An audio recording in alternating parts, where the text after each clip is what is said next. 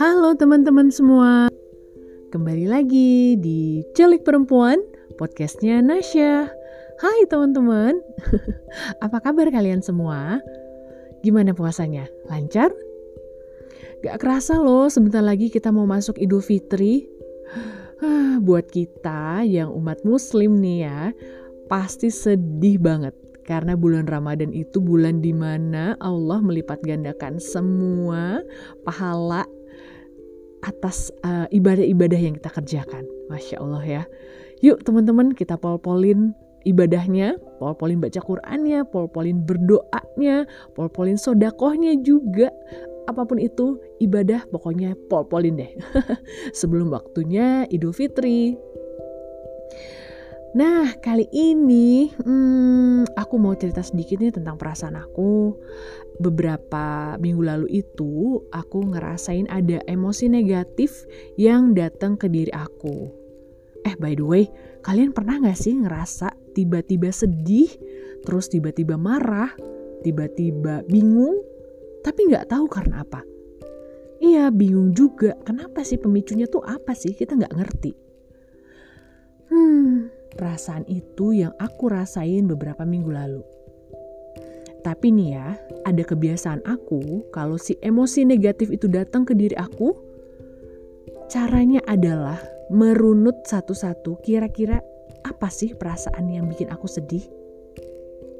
Cara gampangnya itu adalah dengan oret-oret di secari kertas. Kamu tulis-tulis kira-kira apa sih hal yang bikin aku sedih dan ternyata hasil oret-oretan aku itu adalah masih tentang COVID. Karena ada beberapa teman yang harus ditinggalkan oleh orang terdekatnya karena COVID. Baca story mereka, baca cerita-cerita mereka tentang orang yang ditinggalkan itu, itu bikin aku sedih.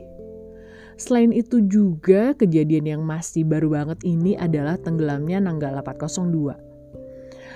Melihat apa ya uh, keluarga para awak uh, kapal tersebut.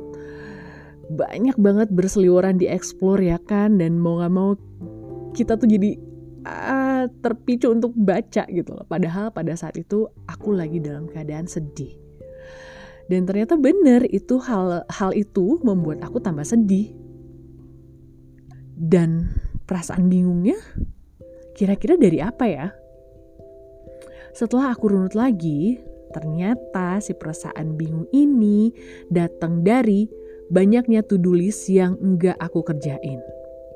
Sebenarnya sih to-do list itu bisa fleksibel karena tujuan aku bikin to-do list itu adalah untuk e, memprioritaskan kerjaan apa yang harus aku kerjakan hari itu. Tapi karena awalnya perasaan sedih itu datang, bikin aku males untuk ngapa-ngapain. Sampai akhirnya si to-do ini menumpuk, menumpuk, menumpuk. Dan setelah menumpuk-menumpuk itu yang ada tambah bingung loh. Ini aku harus ngapain ya? Dan ujung-ujungnya pasti deh menyalahkan diri sendiri.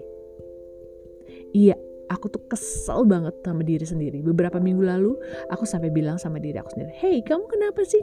Karena kamu nih gak ngerjain ini itu ini itu. Tuh kan kamu sih pakai sedih dan ini dan itu. Dan ternyata semua itu bukannya bikin aku uh, semangat lagi untuk uh, apa bangkit. Ternyata aku malah tambah terpuruk. Akhirnya aku ingat sesuatu Dulu aku pernah baca satu artikel ya. Dan ini sebenarnya sudah uh, sering banget aku lakuin kalau ada emosi negatif yang datang ke diri aku. Salah satu caranya adalah kalau udah kesel sama diri sendiri, coba deh kamu lakuin self talk. Iya, self talk, bicara sama diri kamu sendiri. Kalau kamu lagi di rumah, ada anak-anak, ada keluarga, coba deh minta izin sama mereka untuk ke kamar atau ke tempat yang sunyi deh pokoknya untuk kamu menyendiri dulu. Ya selama 30 menit gitu juga cukup kali ya. Kamu bilang sama mereka, tolong ya bunda lagi ngapain diganggu nih sebentar aja. Setelah itu kamu bisa masuk ke kamar misalnya. Dan kamu coba lihat diri kamu di cermin. Setelah itu, mulai bicara sama diri kamu sendiri. Ini yang sering aku ucapkan sama diri aku kalau aku lagi self-talk di depan cermin. Hai Nasya, hari ini kamu sedih ya? Kamu pengen marah? Kamu kesel? Hmm, sabar ya Syah. Kamu boleh kok punya perasaan seperti itu. Emosi negatif datang sama kamu itu wajar banget. Sabar ya Syah.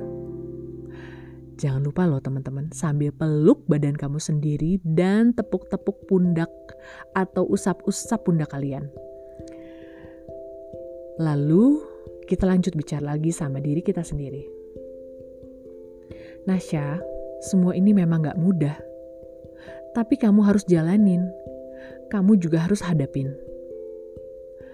Nasya, I'm so proud of you. Kamu bisa bertahan, survive seperti ini, ngadepin emosi negatif yang bikin hari-hari kamu pasti terasa berat deh. Nasya, nikmatin prosesnya ya kamu ini lagi berjuang seolah-olah keluar dari gua yang gelap menuju taman bunga yang indah banget. Wangi. Dan mata kamu tuh sebentar lagi akan dimanjakan sama hal-hal yang indah yang semua cita-cita kamu, yang semua goals kamu inginkan itu akan ada di depan mata kamu. Sambil terus usap-usap diri kamu ya, usap-usap pundak kamu, usap-usap tangan kamu, Lalu bicara lagi dengan diri kamu sendiri. Nasya, kamu itu hebat. Kamu kuat dan kamu luar biasa. Come on Nasya, just don't give up. lega deh rasanya kalau sudah self talk. Kerasa banget dapat fresh air dan dapat energi baru yang memang datangnya ya dari dalam diri kita sendiri Coba deh kalian pikir.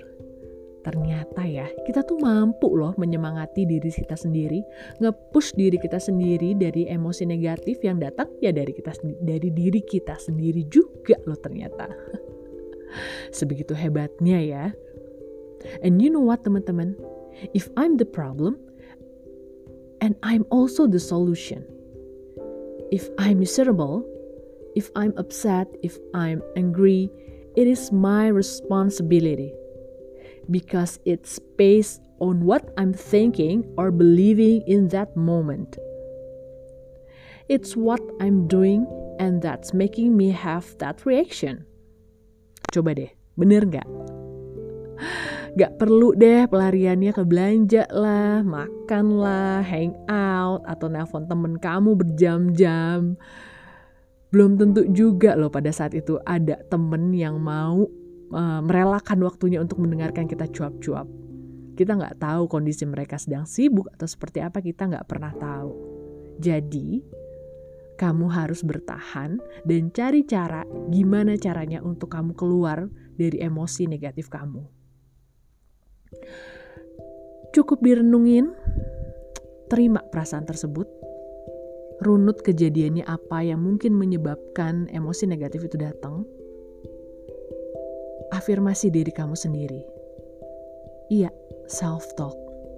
Self-talk sama diri kamu sendiri. Itu lumayan ampuh loh buat aku. Oh iya, satu hal lagi. Jangan lupa sambil peluk-peluk diri kamu sendiri, usap-usap diri kamu sendiri, sayang-sayangin diri kamu sendiri. Mereka juga butuh itu loh, tanpa kita sadari tubuh kita tuh butuh sentuhan kita sendiri. Cara sederhana ini masih cara yang luar biasa buat aku dan hasilnya pun luar biasa ampuh buat aku. Dan aku pengen semoga teman-teman yang mendengar ini ngerasain juga gimana hebatnya self-talk. Semoga perempuan-perempuan di luar sana yang pernah ngalamin seperti ini dan bahkan sedang ngalamin hal seperti aku ini terbantu ya dengan cara sederhana yang aku sampai ini podcast aku ini. Jangan lupa loh, kalian semua yang dengerin podcast ini adalah orang-orang yang hebat. orang-orang yang luar biasa. Teman-teman, jaga kesehatan mental kita ya.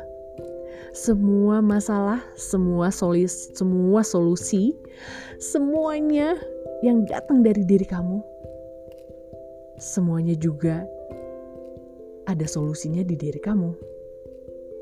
Semangat terus ya teman-teman. Sampai ketemu lagi di episode selanjutnya. Celik Perempuan, podcastnya Nasya. Bye semuanya.